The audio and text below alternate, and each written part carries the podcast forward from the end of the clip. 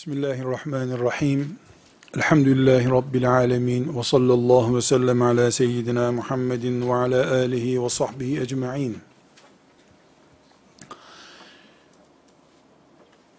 Dinimizin, ümmetimizin, insanlığımızın gündeme geleceği dersler yapabilmek için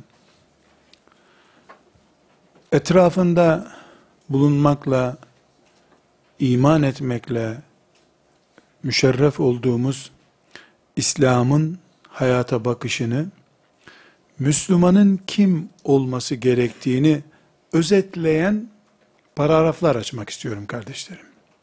Çünkü dedik ki dünya nasıl dönüyoru anlatmaya mukaddime ile başlayacağız. İbn Haldun'un meşhur bir mukaddimesi vardır. İnsan iki sayfa bir şey zanneder. Koca bir ansiklopedi adı mukaddime. Şimdi bizim de bir mukaddime yapmamız gerekiyor. Mukaddimeye şunu mu koysam, bunu mu koysam derken bir İbn Haldun e, ansiklopedisi gibi bir gündem mecburen ortaya çıkıyor.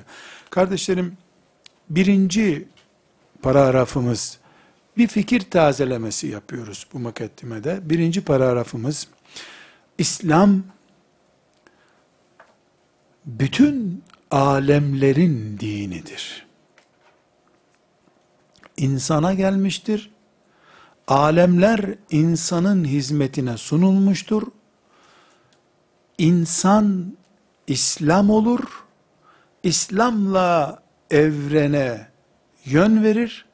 Dolayısıyla İslam bütün alemlerin projesidir.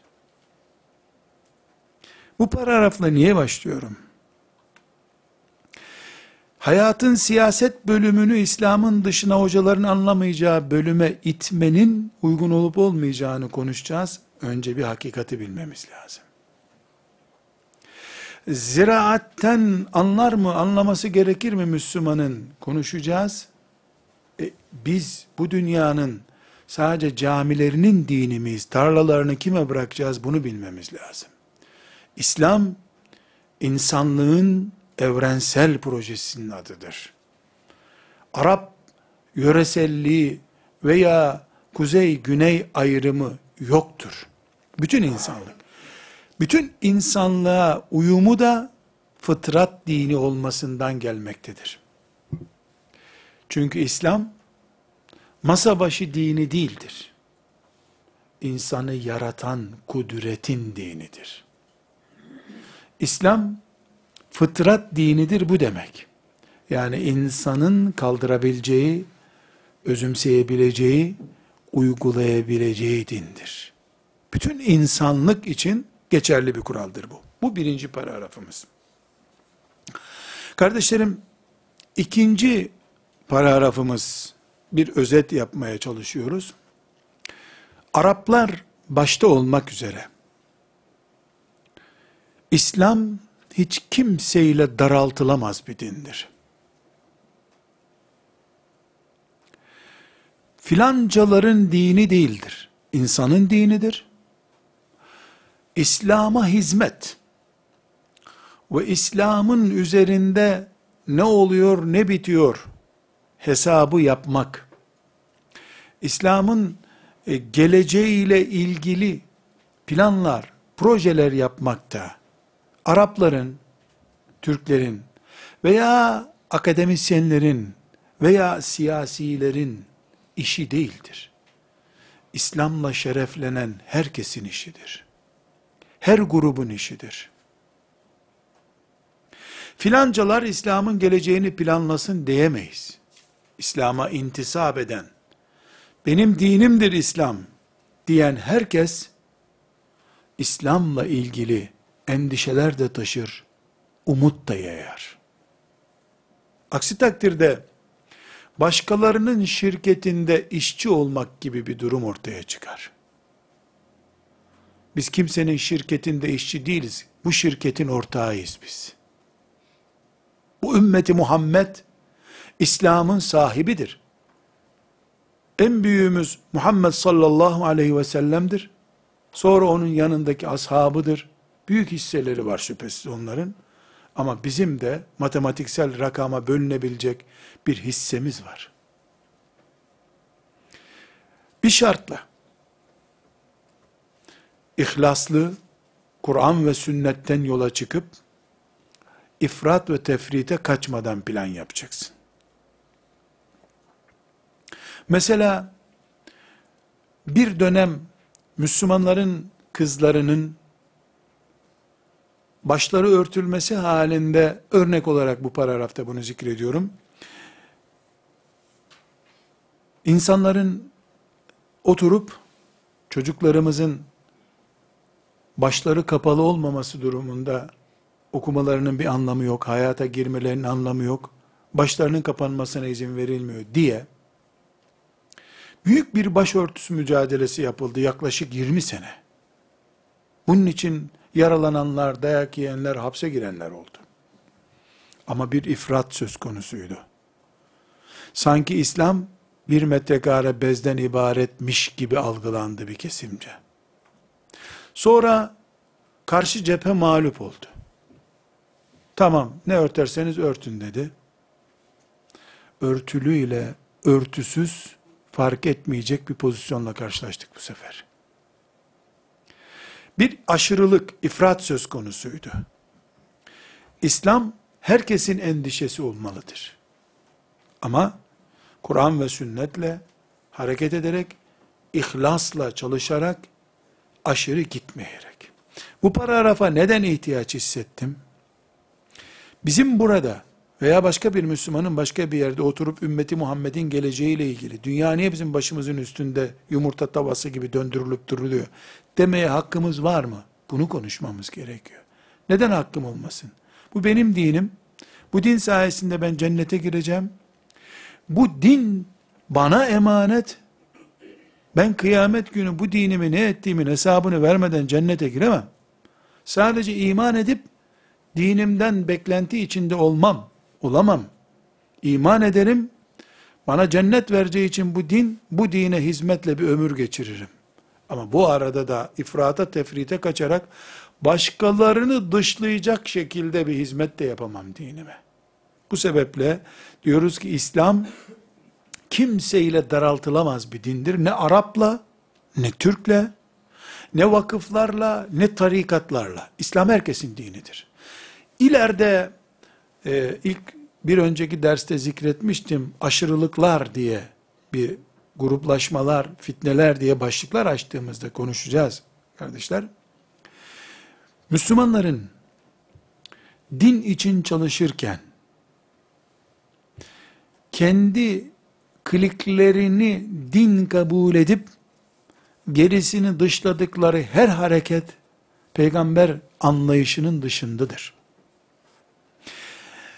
Alkolik olarak, alkolik, sarhoş, abuk subuk konuşacak kadar sarhoş iken, iki kişinin kollarından tutup Peygamber aleyhisselamın mescidine dayak atılmak üzere getirilmiş adamı, alkolik adamı, Resulullah sallallahu aleyhi ve sellem adama niye hakaret ediyorsunuz diye sahiplendi ümmetinden biri diye.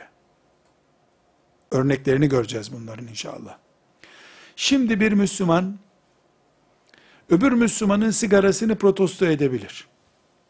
Sigaraya refleks gösterebilir. Bağırıp çağırabilir. Ama sigara içen birini İslam'ın dışında görme hakkına sahip değildir. Müslümanların küçük gruplar olmalarında hiçbir sakınca yoktur. Bu kalabalık koca dünyada e, zaten halifemiz yok. Mecbur küçük tarikatlarımız, cemaatlerimiz, vakıflarımız olmalıdır. Başka türlü bir araya gelip bir iş yapamayız. Bir hoca efendinin etrafında, bir fikir önderinin etrafında toplanılmalıdır. Ama bu İslam'ın son şekli değil. Son şekli için oluşmuş mini bir şekil olarak kabul edilmelidir. Peygamber düzeyinde ya da peygamberden sonra en etkin adam değil benim başımdaki adam peygamber sevdalısı bir adam olmalıdır. Bu yüzden İslam kimsenin özeli değildir. Herkesin canı ciğeridir ama. kimsenin özeli değildir. Bu ayrımı yapmamız gerekiyor. Kardeşlerim üçüncü noktamız. İslam insanı mükerrem yapmıştır. Yani saygındır insan. İnsanın saygınlığında din ayrımı bile yoktur. Nerede kaldı ki ırk, yöre ayrımı hiç yoktur.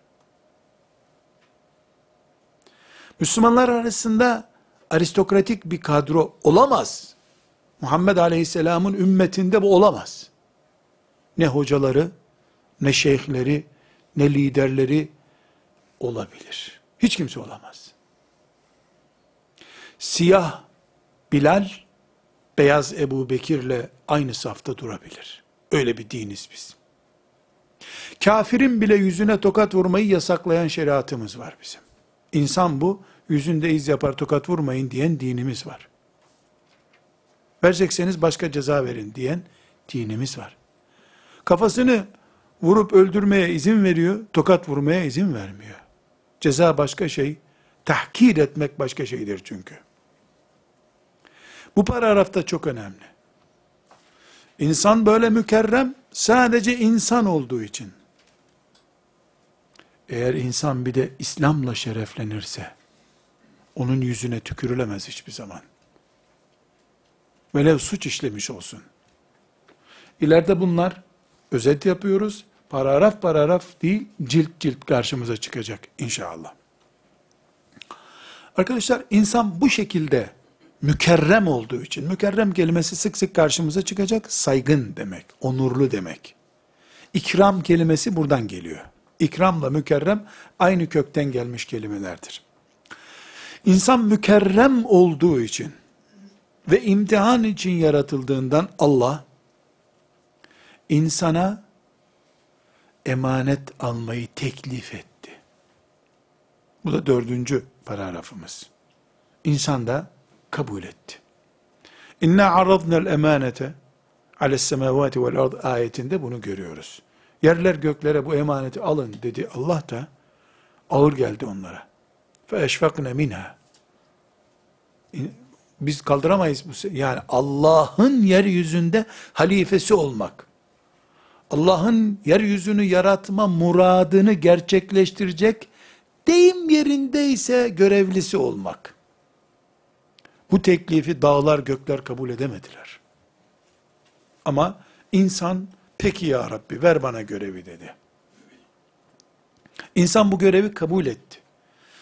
Niye kabul etti? Çünkü Allah insanı bu tarzda yarattı. Konumuz değil ama şeytan bizi irdeler. Ben hiç öyle bir şey hatırlamıyorum. Protokolü nerede imzalatmıştı Allah bana filan diye şeytan bir vesvese verebilir. Zengin olma hırsını hangi dükkandan almıştın sen? Genç bir kıza aşık oluyorsun. Genç bir delikanlıyı seviyorsun. Uğruna babanı terk edip gidiyorsun. Ananı, bu duyguların eğitimini annenin karnındayken mi kursa giderek almıştın?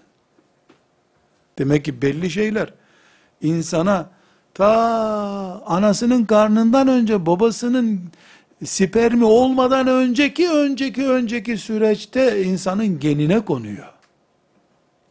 Bu hangi laboratuvarda yapıldı? O laboratuvara inşallah seyredeceğimiz yerlere gittiğimizde göreceğiz hangi laboratuvarda yapıldığını. Ama o laboratuvarın atıklarının bölümünde kalanlar bunu hiçbir zaman göremeyecekler tabi. Gayya diye bir bölüm olacak. Atıkların toplandığı atık çukurundakiler anlamayacaklar bunu. Allah muhafaza buyursun. Tekrar ediyorum arkadaşlar. İnsanlığın evrensel dinidir İslam. Bir.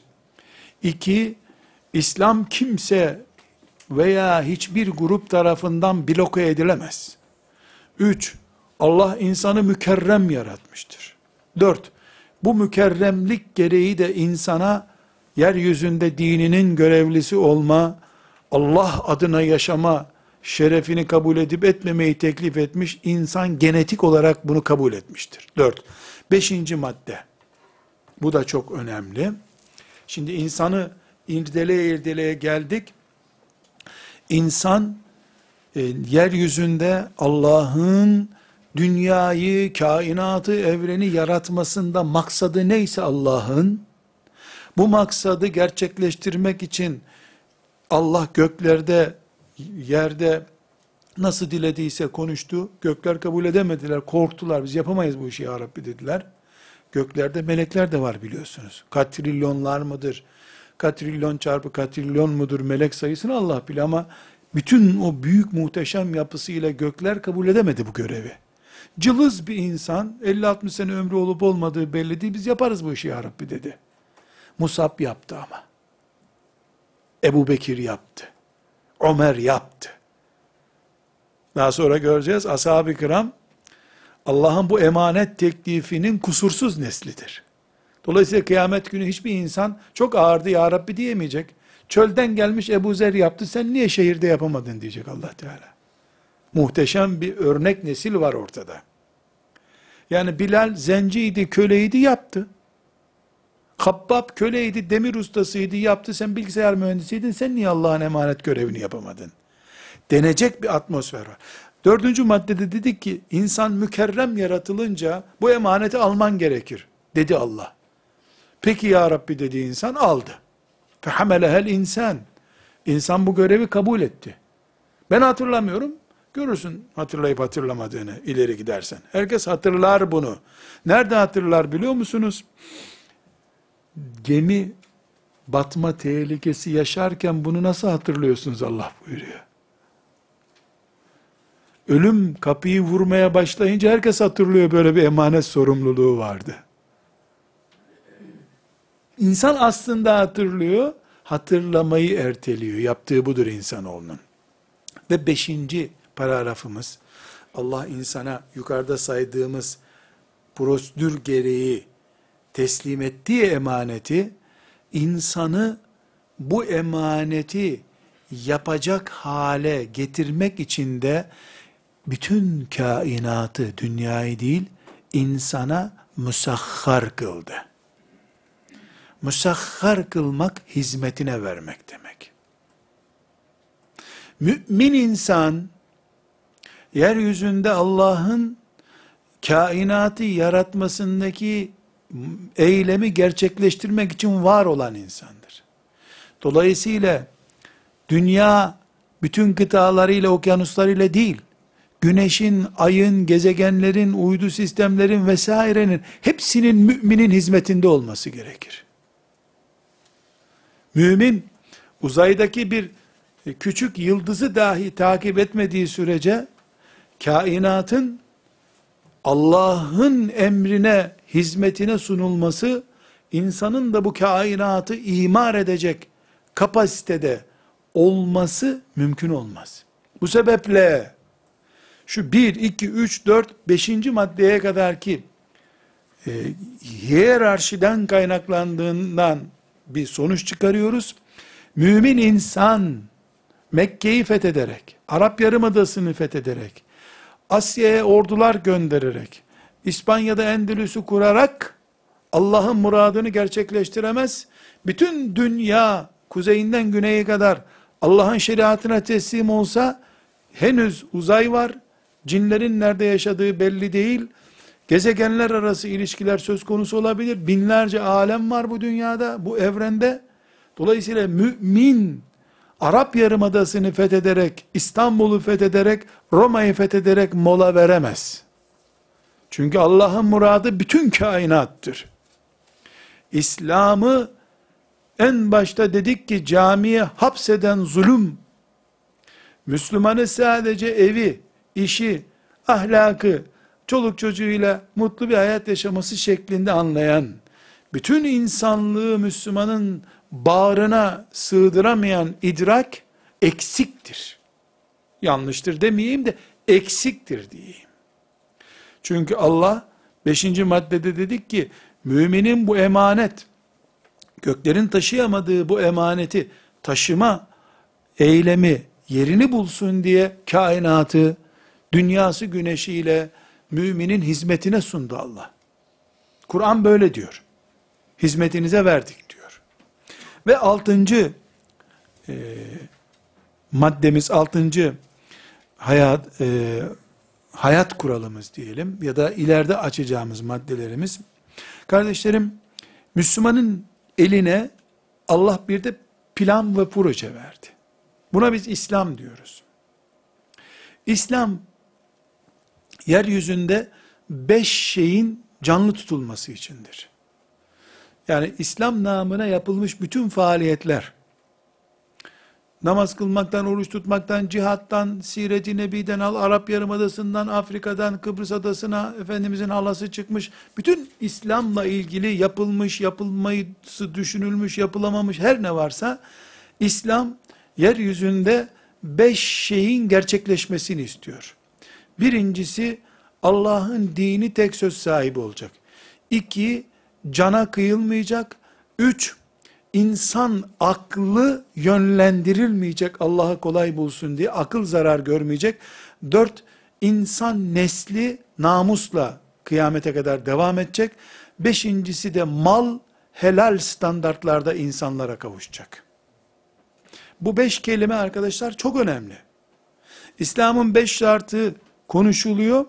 Bu beş şartın teminatı da bu beş şeydir aslında. Uhud'un temin, Uhud'un gerçekleşmesi de bunun içindi. Hendek de bunun içindi. Şeytanın yeryüzünde sulandırmak istediği beş temel değer de budur.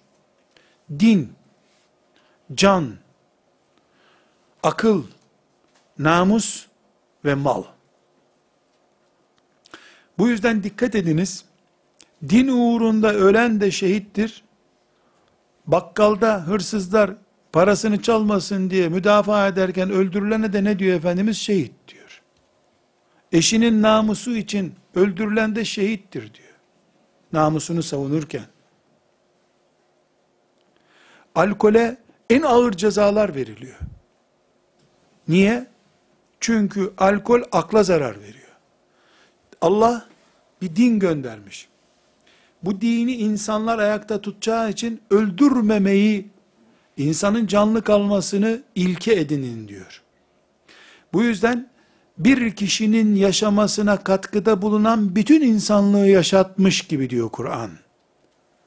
Bir cana kıyan da 7 milyar cana kıymış gibi diyeceğim. 7 milyar şimdi var. Bütün insanlık 7 milyar değil ki. Kabil kaç milyar insanın katili olarak dirilecek onu Allah biliyor sadece. Bütün insanlık diyor Allah. Sizin zamanınızdaki 7 milyar demiyor. Demek ki din canı koruyor çünkü can dini yaşayacak. Canı değersiz hale getirdin mi dini yaşayacak insan kalmıyor. Akıllılar ancak Allah'ı anlayabildikleri için yaşayan ama aklı olan yaş istiyor. Namussuz, iffetsiz bir neslin Allah'a kul olmakla şereflenmesi zor bir şey olduğu için şerefli, namuslu Adem aleyhisselama kadar babasının soyu belli bir nesil istiyor Allah. Bütün bunlarda kres yağı gibi insanlığın hayatta kalabilmesi, çarklarının iyi dönmesi için ortalamayı sağlayacak da maldır. Kanunu böyle Allah'ın. Dolayısıyla cihat yapılırken, bir yerde vakıf kurulurken, bir yerde aile oluşurken, bir yerde siyasetle dine hizmet etmek istenirken, bir yerde eğitim kurumu oluşturulurken, bir hoca efendi İslam'ı tebliğ ederken, bu beş şeyden hangisine hizmet ettiğine, bu beş şeyin ortalamasını nasıl bulduğuna bakacak. Sadece namus üzerine yatırım yapıyor sürekli. Namus namus diyor çalan adamlardan namuslu bir ordu kurmak istiyor. Mümkün değil. Mal helal gelecek ki helalle büyümüş bedenler namus ciddiyeti taşısın. Namuslu insanlar akıllarına sahip çıksın. Akıllı adamlar nesil güvencesi diye bir güvence oluşturacak. Din bu zaten. Yukarıdan aşağı bakın. Din, insan, insanın aklı, insanın namusu ve insanın malı. Bakın aşağıdan yukarı malımız namusumuzun teminatı. Namusumuz akıllarımızı teminat altına alıyor. Akıllı insanlar dindar oluyorlar. Dindar insanlarla Allah yeryüzünde emanetinin gerçekleşmesini böylece yaratmış oluyor. Demek ki altıncı maddede de dedik ki arkadaşlar, e, bu ümmetin plan ve projesinde beş temel esas vardır. Hani bir anayasalar olur ya, anayasalın da temel direkleri olur. Eğer illa bir şeye benzeteceksek, bunu buna benzetebiliriz. Kardeşler, insan yeryüzünde Allah'ın muradının gerçekleşmesi için bir emanet, bir sorumluluk taşımayı kabul etti. Allah bu görevi verdi. İnsanlar yeryüzünde geldiler ama Allah insana eşsiz görev aldınız. Gidin kaynak bulun kendinize. Proje çizin, planlama çizin. Ben onaylarım demedi. Gönderdiğim çalışma takvimine uyacaksınız dedi. Bir, iki, sizi sürekli karşı tezle rahatsız edeceğim dedi. Çünkü insan virajı rampası olmayan yolda uyur, araba devirir. Dümdüz 100 kilometre gidemez bir şoför. Gider ama başka şekilde tekerlerin üstünde değil tekerlerin altında gider bu sefer. Gidebilirse. Onun için Allah bir program ve bir düşmanla insanı dünyaya gönderdi. O düşman şeytandır. Şeytan Allahu Teala'nın dünyaya gönderirken levh-i mahfuzda yazmış olduğu planı, hayat programı, biz ona Kur'an diyoruz, din diyoruz. Ne kadar eski ise o eskilik kadar bir zamanda da şeytan plan proje yaptı. Bugün ümmeti Muhammed aleyhissalatü vesselam 1 milyar, 1,5 milyar ne kadarsa artık istatistiklerini tam bilmiyoruz.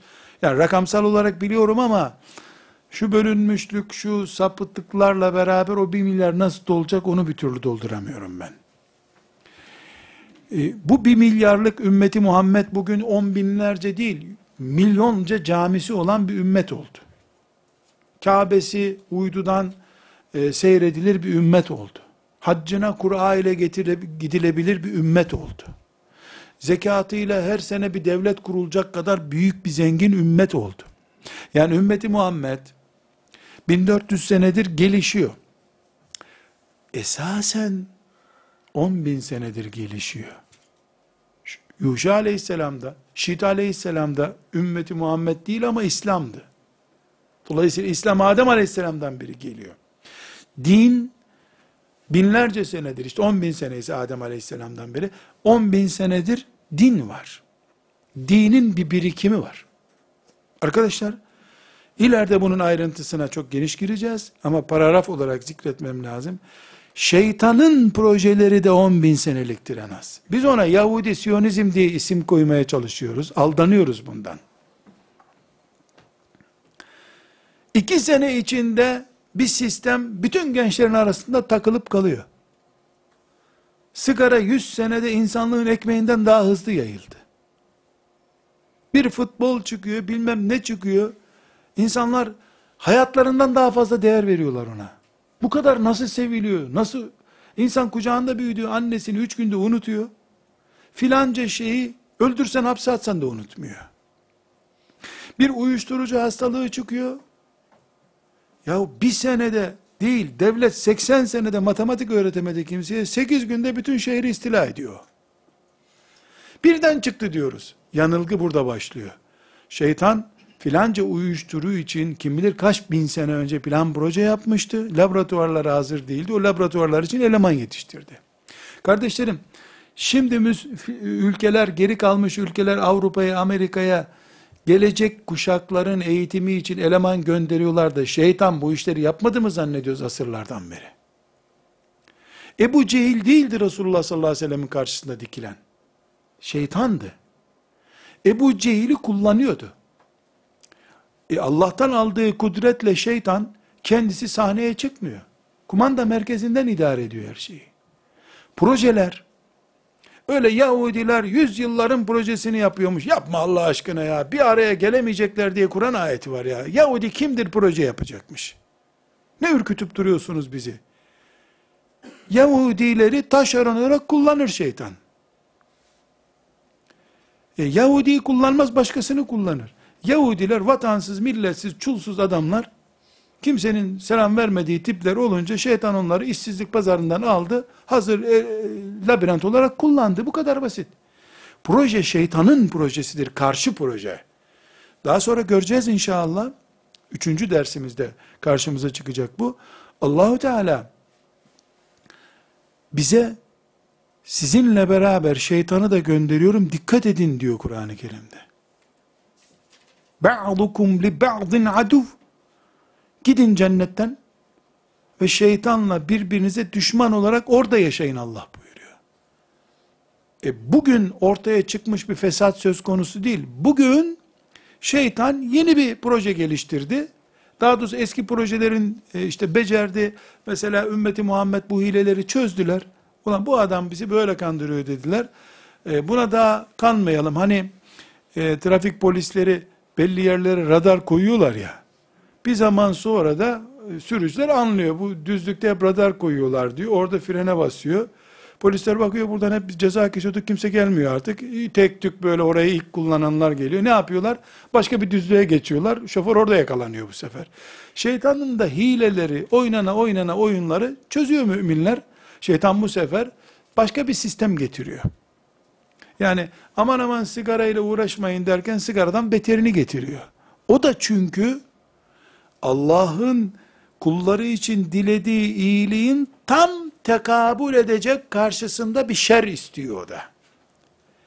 Ve o şerri üretme, kullanma, aktif hale getirmede de gücünü Allah'tan alıyor.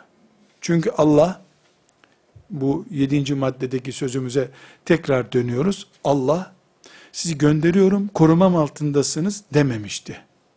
Gönderiyorum, ihlasla kapımda durursanız size yardım ederim, yoksa şeytan dört gözle bekliyor diye Kur'an'da 1, 2, 5, 10'dan fazla ayet var arkadaşlar. Hiç kimse kıyamet günü Rabbinin huzurunda çok fenaydı planları şeytanın diyemeyecektir. Tam aksine Rabbimiz ben size ey Ademoğlu bu iblise dikkat edin dememiş miydim? Ella ta'budu şeytan dedim ben size. Diyecek Allahu Teala. Maazallah. İnşallah öyle denen kullarından olmayız biz. Demek ki kardeşler yedinci maddede dedik ki hani insan mükerrem oldu. Mükerremliği emanet adamı olmasını gerektirdi. Emanetin sonucu Allah bütün kainatı hizmetine verdi. İnsanın kullan dedi. Onun için kalkıp hiç kimse acaba biz uzaya çıksak caiz midir diye bir şey soramaz. Kainat senin kardeşim. Kul olarak kendini hissettiğin her yerde bul. Kendini ilahlaştırdığın zaman otur oturduğun yerde batıyorsun çünkü. Sen uzaya değil tarlaya bile çıkma o zaman. Sen hiçbir yere çıkma. Ama Rabbinin mülkünde Rabbinin kulu olarak gez dolaş. Fesihu fil ard. Dolaşın. Hadi bakalım. Olur. Burada dedik ki bunun gereği olarak beş temel e, öge üzerinde Allah dinin özünü kurdu. Ve genel ilke olarak da kainata seni görevli seçtim. İmtihan için gönderiyorum. Tek değilsin. Senin negatifini de gönderiyorum. Mümin pozitif insandır. Pozitiftir. İyi şeylerin var olması için mümin vardır. Ama negatifiyle var olacağı için bu allah Teala negatif güç olarak da şeytanı yarattı ve insanın karşısında bulundu. Şimdi bu şartlarda Medine'de Müslüman bir toplum kurdu. Resulullah sallallahu aleyhi ve sellem Efendimiz. 8. paragrafımıza geldik arkadaşlar. Bu paragrafımız bir miktar uzun. Bu Medine'deki toplum şu saydığımız yedi maddenin sonucu olarak Resulullah sallallahu aleyhi ve sellem Efendimizin Medine'de kurduğu İslam toplumu ya da Adem aleyhisselamdan beri yapılan o büyük süreçli çalışmaların sonucu olarak ortaya çıkan Medine İslam devleti, Medine Muhammed aleyhisselam ümmeti, Medine'deki o ümmet kimdi? Bir, sekizinci maddemizin birinci maddesi, Allah'ın dinini yeryüzünde yaşam sistemi kurmak için kuruldu. İki, Allah bu ümmete sorumluluk verdi. Hem bireysel sorumluluk verdi, kendinden sorumlusun, eşinden sorumlusun dedi. Hem toplumsal sorumluluk verdi. Dolayısıyla hanımının namusunu düşünmeyen de sorumluluk dışında kalacak. Yani hain olacak. Ümmetin namusunu düşünmeyen de ümmetin haini olacak. Çünkü Allah yeryüzünde emanet görevini uygulayacak pratik bir toplum olarak Medine'de bu toplumu kurdu. Medine uzantısı olan yani Medine'deki İslam devletinin Musab bin Ümeyr'in elleriyle kurulan devletin bağlısıyız biz diyen herkes için geçerli kural bu. Sorumlusun. Bu sorumluluk bireysel olarak da var. insanlık olarak toplu bir sorumluluk da var. Üçüncüsü insan olarak eksik olmaktan kaynaklanan yapıdan dolayı yardımlaşma eksenli bir toplum oldu bu. Yardımlaşma eksenli bir toplum. Buradaki yardımlaşma, fakire sadaka verme anlamında bir yardımlaşma değil. İnsan olarak birbirlerinin eksiklerini tamamlayıp bir bütün oluşturma yardımlaşmasıdır bu cihadı yapamayan kadının yerine erkeklerin cihadı üstlenmesi, erkeklerin yapamadığı aile içi sorumluluğu erkekler adına üstlenmede kadının yardımlaşması. Fakir olup kendini ibadete verenlerin yerine sadaka vererek onların boşluğunu doldurma. Müminlerin sadakasından istifade ettiği için onların aktif görevlerinde rol alıp görev alıp yardımlaşma tarzında kimliğini ortaya koyan fakir Müslüman.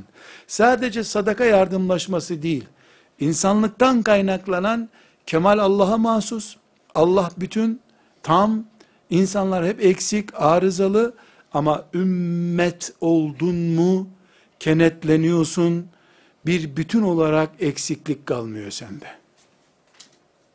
Ümmeti Muhammed Medine'de bunu gerçekleştirdi. Böyle olan ümmet kıyamete kadar ümmeti Muhammed'dir. Bunun seviyesini düşüren ümmet ise ümmeti Muhammed'in taklididir. Orijinal olmak için uğraşırsa kurtulu ayrı bir konu. Ve dördüncü maddemiz Medine'de kurulan devlet İslam'ı yüceltirken insanlık üzerinden yüceltti ideal olarak melekler alınmadı. İnsanlık eksen alındı. Çünkü melekler ideal örnek, kulluk örneği alınsalar bir hayal üzerinden Müslümanlık yaşanmış olurdu. Bunun için de Peygamber aleyhisselam melekler arasından gelmedi, bir kadının yetim çocuğu olarak doğdu. İslam, insanlık dinidir, insanlık üzerinden proje kurar. Bu sebeple de en başta dedik ki insanı mükerrem yaptı Allah. Bir hadis olarak zikrediyorum. Sıhhat derecesini çok konuşmadan ileride bu da karşımıza çıkacak. O zaman sıhhat derecesinde konuşacağız. Bir cenaze geçiyor Efendimiz sallallahu aleyhi ve sellemin bulunduğu yerden. O da cenaze geçerken ayağa kalkıyor oturduğu manzarada. Cenaze gidince ashab-ı kiram diyorlar ki ya Resulallah bu ayağa kalktığınız cenaze bir Yahudinin cenazesiydi. Yani kalkmanız gerekmezdi. Melun adamlar bunlar zaten. Buyuruyor ki eveleyset nefsen eveleyset nefsen bir can insan değil miydi buyurmuş. İnsan değil miydi? Humanizm lanetlidir insanın kendisini yani insan nevini ilahlaştırması. Bu putçuluktur. Bunu kabul etmeyiz. Ama insanı kedilerle eşit tutanı da lanetleriz. Velev kafir olsun. İnsan mükerremdir. Medine toplumunun karakteri. Yaşatmak için, hatta kafiri yaşatmak için bile uğraşırız. Ama İslam'ı kaldırmak isteyen kafirin kendisi kalkar ortadan. Aksi takdirde yaşatıcı güç ortadan kaldırılmak istenmiş olur. Ve beşinci maddemiz, sekizinci paragrafımızın beşinci maddesi, Allah Medine'de peygamberinin eliyle kurdurduğu devleti imtihan için yaratmış olduğu insanlara kurdurdu. Dolayısıyla Resulullah sallallahu aleyhi ve sellem Efendimiz hicret ederek devletini kurdu. Vefat ettiği saatten 20 dakika önce belki de 17 yaşında bir çocuğu ordu komutanı tayin etmişti. Onunla meşgul oluyordu. Bakınız, İslam'ın devleti Medine'de kuruldu. Müslüman toplumun ilk şablonu kuruldu.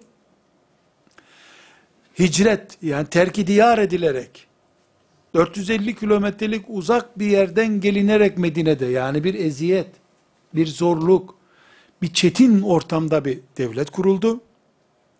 Bu aralarda ne olduğu boş ver, vefat ederken Efendimiz sallallahu aleyhi ve sellem, Medine'nin bir kilometre dışında ordusu kışlada bekliyordu. Hicretle ordusu yola çıkma arasında muhteşem bir cihat hareketi vardı. Dolayısıyla Medine toplumu bireysel ve toplumsal bazda cihat toplumuydu. Bireysel bazda cihat toplumuydu. Bedir'den dönerken şimdi büyük cihada dönüyoruz dedi. Ne o ya Resulallah büyük cihat? Nefislerimiz bizi bekliyor dedi. Nefis cihadı var. Yani bireysel cihat var. Aile içinde cihat var. Nefis, ailede zulmetmeyeceksin. Mümin kardeşlerin arasında cihat var. Kardeşlik hukukunu koruyacaksın. Her an Medine saldırılı altında, tehdit altında dış güçlere karşı cihat edeceksin. Medine şablonsa, yani bizim örneğimiz Medine ise, bunu sadece namazda mı alacağız? Sadece oruç iftarında mı Medine hurmasıyla iftar edeceğiz? Ümmeti Muhammed'in kıyamete kadar şablonu Medine'dir. Bu Medine'de de buyurun hicretle başladı, orduya talimat vererek hayatını bitirdi. Medine devletinde. Bu da beşinci paragraf. Medine'de Müslüman toplumu irdeliyoruz. Çünkü biz burada dünya dönüyor. Bu dünya nere dönüyor derken orijinali neydi de bozukluk nedir? Nereyi tamir edeceğimizi anlamak için orijinalini yakalamaya çalışıyoruz. Arkadaşlar Medine'de ümmet kavramı ortaya çıktı. Ümmet iki boyutludur. Bir, Peygamber aleyhisselamın peygamber olarak kendisini davet ettiği insan nesli, peygamberin ümmetidir. Ebu Cehil de o ümmettendir. İki, Peygamber aleyhisselam efendimizi peygamber kabul edip Muhammedun Resulullah diyenlerden oluşan Muhammed ümmeti vardır. Buna akide kitaplarımızda davet ümmeti ve icabet ümmeti denir. Davet ümmeti yani allah Teala Muhammed Aleyhisselam'ı peygamber olarak gönderdi. 571'den son rakam ne zamansa 2080 diyelim 2080'e kadar yaratılacak her insanın peygamberi Muhammed Aleyhisselam'dır. Kabul edenler ümmetinden olmuşlardır. Ama Peygamber aleyhisselamın ümmetlikteki çalışma alanı bütün insanlıktır. Medine perspektifini konuşuyoruz. Peki bunu niye gündeme getirdik? Biz günün birinde haçta toplananlar ve ezan okununca namaz kılanlar, içki içmeyenler diye bir ayrım yapamayız. Resulullah sallallahu aleyhi ve sellemin çalışma alanı yaratılmış her insandır. Tek bir kişi la ilahe illallah Muhammedur Resulullah dememişse bu ümmetin uykusu haram hala demek. Mola veremez ümmet. Durum nasıl deyince elhamdülillah, elhamdülillah dergimiz baskı yetiştiremiyor şükürler olsun. Bizim cemaatin dergisi 100 bin satıyor. Yetişmiyor. Maşallah, maşallah. Zannedersin ki yeryüzünde namaz kılmayan kalmadı. Ashab-ı kiram niye Resulullah sallallahu aleyhi ve sellemin kabrinin başında o sevgi, o hasretle madem öldü buraya gömüldü, ben de acımdan ölünceye kadar bu kabrin başından ayrılmayayım diyen bir sahabi oldu mu? Neden? Çünkü orada ölse belki de ahirette cennete giremeyecektir. Çünkü hala yeryüzünde Muhammedun Resulullah demeyen kitleler var. Ümmeti Muhammed davet ümmeti açısından bütün insanlık demektir. İnsanlıkta bir kişi alkol kullanıyorsa sen evinde oturamayacaksın demektir. Elbette fettekullaha mestata'tum. Herkes kudreti kadar, yet, gücünün yettiği kadar Allah'tan korkacak. Elbette allah Teala kaldıramayacağımız yükü yüklemeyecek. Ama ümmet planlama proje yaparken biz 20 kişilik bir e, salonumuz var. 20 kişi de dolduruyoruz. Hatta 23 kişi olduğu için 3 kişiye yer bulamadık bu salonda. E, elhamdülillah işler çok iyi diyemezsin sen. Milyarları insanlığın hala Muhammedun Resulullah diyemedi çünkü. Ve sen Resulullah sallallahu aleyhi ve sellemin bulunduğun yerdeki temsilcisisin. Kıyamet günü sen mesulsün bulunduğun noktadan. Onun için ümmeti Muhammed kimdir'i ikiye ayırıyoruz. Muhammedun Resulullah demişler ve kurtulmuşlar. İnşallah. Onlar da rütüşlerle düzelecek işler. Muhammedun Resulullah demek şerefine ermemiş kitleler var. Hala Efendimiz sağ olsaydı Medine'de devletimiz var, hacca gelenlerle görüşürüm diye oturacak mıydı? Yoksa son insana ulaşıncaya kadar çırpınacak mıydı? Eğer Peygamber Efendimiz otururdu daha yaşlı olduğu için de karışmazdı bu işlere diyebiliyorsak, biz de otururuz ümmeti olarak. Ne oturması ya? Son nefesinde ordu gönderiyordu. Ordu göndermiş bir peygamber olarak ruhunu teslim etmiş bir peygamberin, milyarlarca Muhammedur Resulullah demeyen insanların bulunduğu bir dünyada oturan ümmeti olamaz. Kendi çocuklarını evlendirip, hepsi de örtülü kadınlarla evlendirip, muruvetini görmüş, gelinleriyle kahve içen hacı dedesi olmaz bu ümmetin. Olmaz. Olursa, Resulullah sallallahu aleyhi ve sellem 63 yaşında, ayağa kalkıp, nerede Müslümanlar diye bakamayacak, iki kişinin omuzunda ancak. Ali ve Üsame radıyallahu anhumanın böyle omuzlarına yaslanmış olarak Ayşe annemiz diyor ki ayaklarını da kaldıramıyor, sürtünüyordu ayakları yerde diyor. Son gününe ait rapor bu arkadaşlar. Ayağını kaldıramıyor. Ali ve Üsame onu götürüyorlar. O da sürünüyor yerde. Yani çökmüş vaziyette iken Üsame nerede diye soruyordu. Ordu gönderiyor. Böyle bir peygamberin ümmeti elhamdülillah hafız gelinleri var. Damatları da Allah nazardan korusun. İşleri güçleri yerinde elhamdülillah. Diplomalı çocuklar. Elhamdülillah şükürler olsun. Daha iyisi ne olacak? Allah bugünleri aratmasın. Milyarlarca kafirin bulunduğu bu dünyada ne yaratacak Allah sana başka zaten? Ümmet kafalı olmak veya olmamak diye bir derdimiz var bizim. Bir tarikat meclisinde oturuyordum. Çok tatlı bir hatıra değil. Hoca efendi dua etmeye başladı. Tarikatın şeyhi. Ben de elini öpüp oturmuş dinlemiştim. Duasına amin dedim. O arada duasında dedi ki Allahümme ekthir ihvanena fit tarikati dedi. Ben o cümleye amin demedim. Öbür cümlelerine de gene amin dedim. Dua bittikten sonra meğer beni izliyormuş gözleriyle ya da kalp gözüyle gördü bilmiyorum. Dedi ki Hafız Efendi dedi, bir bölüme amin demedin, senin baban da Nakşi dedi. Dedim evet. Amin demedin değil mi? İftira etmiyorum. Yok demedim dedim. Dedi ama biz dedi Allah diyen bir grubuz.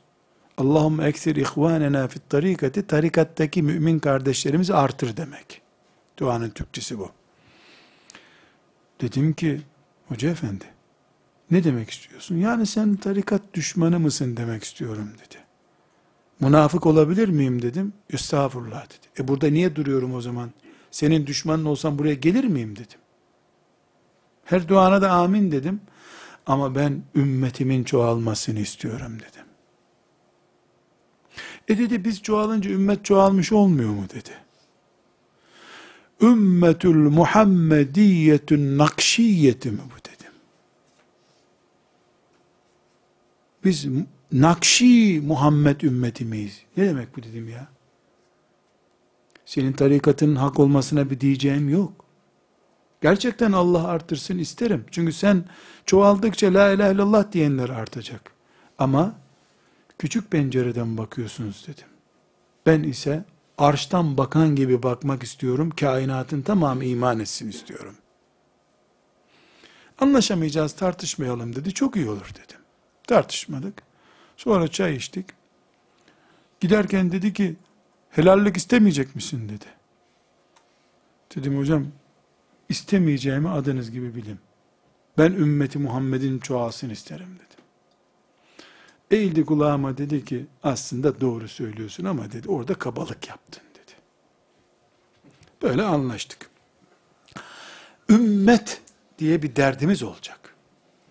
Gelinleri efendi hanımefendilermiş. Damatları da işleri güçleri yerinde vallahi hiç yardım da istemiyorlar kayınpeder. Ne güzel hayat elhamdülillah. Her haftada bir yer çöküyor ümmeti Muhammed'den. Sıra Kabe'ye geldi neredeyse. Ümmet derdimiz olmadıkça Allah'a samimiyetimizi ispat edemeyiz kardeşler. Ama bu tarikatın, vakfın, cemaatin, grubun batıl olduğu anlamına gelmiyor. Bulunması gereken bir zemin, zeminden değerli olmamalı demek istiyoruz. İslam'dan değerli olmasın. Ümmeti Muhammed'den değerli bir grup olamaz. Çünkü kıyamet günü biz, Resulullah'ın ümmeti diye dirileceğiz. Filancanın adamları diye dirilmek yok. Muhammed'in adamları veya Muhammed'in düşmanları diye maazallah dirilmek var. Kardeşler, ümmeti Muhammed Medine'de üç şey üzerine oturdu.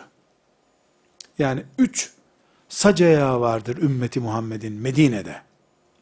Kıyamete kadar da ümmeti Muhammed'in orijinalinin devamı ancak bu şekilde mümkündür. Birincisi, ümmeti Muhammed'in iman eden halkı vardı. İman edenlerin hür yaşayacağı kendilerine ait toprakları vardı. İman edenlerin yaşam tarzlarını belirleyen sistemleri vardı. Kur'an'da o sistem. Ümmeti Muhammed Medine'de bir, iman eden müminler yani insan kitlesi. İki, insan kitlesinin tapusu elinde bulunan arazisi, toprağı ve bu insanların yönetimleri için ham madde oluşacak, yasama kaynağı oluşacak, nizam, sistem oluşturacak kaynağı olan Kur'an. Bu üç şeyi kaybettiğin zaman veya bu üç şeyden birini kaybettiğin zaman ümmet kaybolur ya da ümmet topal olur.